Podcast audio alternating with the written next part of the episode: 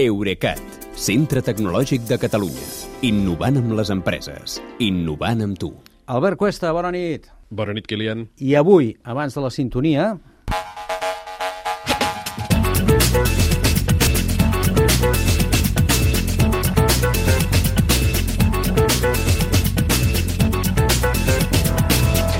iPod, a thousand songs in your pocket.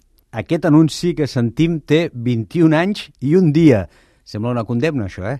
Apple hi presentava el producte que acabaria capgirant l'empresa i convertint-la en el gegant tecnològic que és ara, eh? Aquest Es- iPod.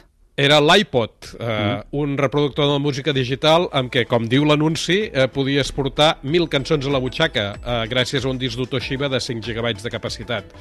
Amb l'iPod, eh, Apple va evolucionar de fabricant d'ordinadors a marca d'electrònica de consum fins al punt que sis anys després va haver de suprimir la paraula computer del nom de l'empresa perquè ja feia més coses Ja. que ordinadors.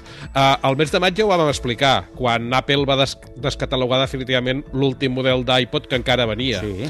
Uh, L'iPod va revolucionar el mercat de la música perquè amb la botiga iTunes va introduir la venda de cançons digitals a tant la peça, concretament a 99 cèntims. Uh, I també és el producte amb, amb què Apple va experimentar més. Amb els seus 21 anys d'història en va treure 5 models diferents, però sumaven un total de 26 variants i en va vendre més de 450 milions d'unitats. Naturalment, eh, els reproductors com l'iPod han quedat desplaçats pels telèfons mòbils, però he volgut recordar-lo avui perquè avui fa 21 anys i un dia que va néixer. Doncs, complerta la condemna, que ja la tenim feta, 21 anys i un dia, passem a un producte més nou, del mateix Apple. Eh? La marca ha presentat una tauleta iPad que confirma que cedirà les, a les exigències que li fa la Comissió Europea, seria això?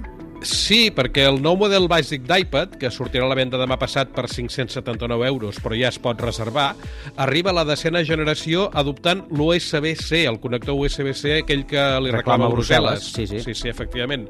Així, al catàleg d'Apple només hi quedarà un iPad amb connector propi Lightning, que és el de novena generació, que amb un, amb un preu de 429 euros, que per això el tenen, el, el, ja Apple ho acostuma a fer això, deixar un model antic perquè el preu sembli més barat de tot, mm. uh, serveix, aquest serveix de punt d'entrada a una gamma de tauletes que a mi, francament, em comença a semblar complicada, perquè hi ha quatre models més. Aquest nou, nou iPad bàsic de 10,9 polzades, l'iPad mini de 8,3, l'iPad Air de, també de 10,9 i els dos iPad Pro de 11 i 12,9 polzades, que aquest costa a partir de 1.449 euros.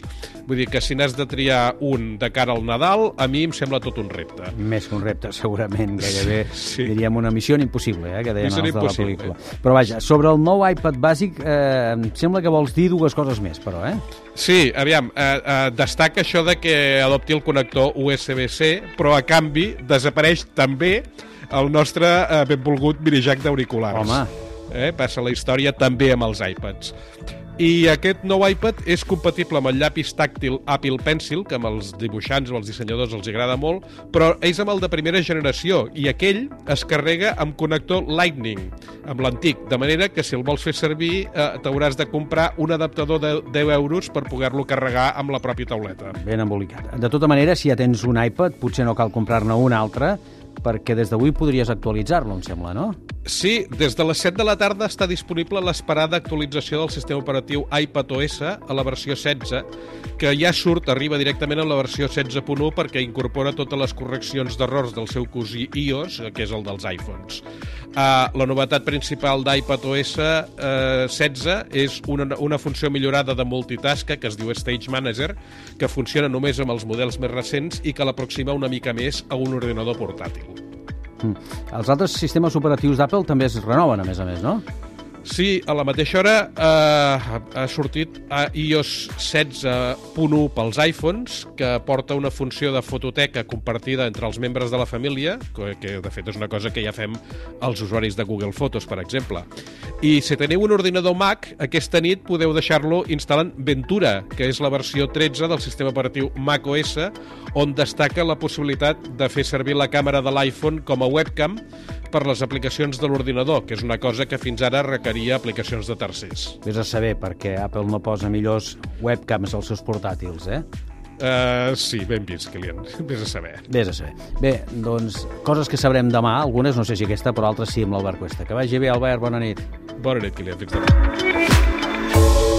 Eurecat, centre tecnològic de Catalunya. Innovant amb les empreses. Innovant amb tu.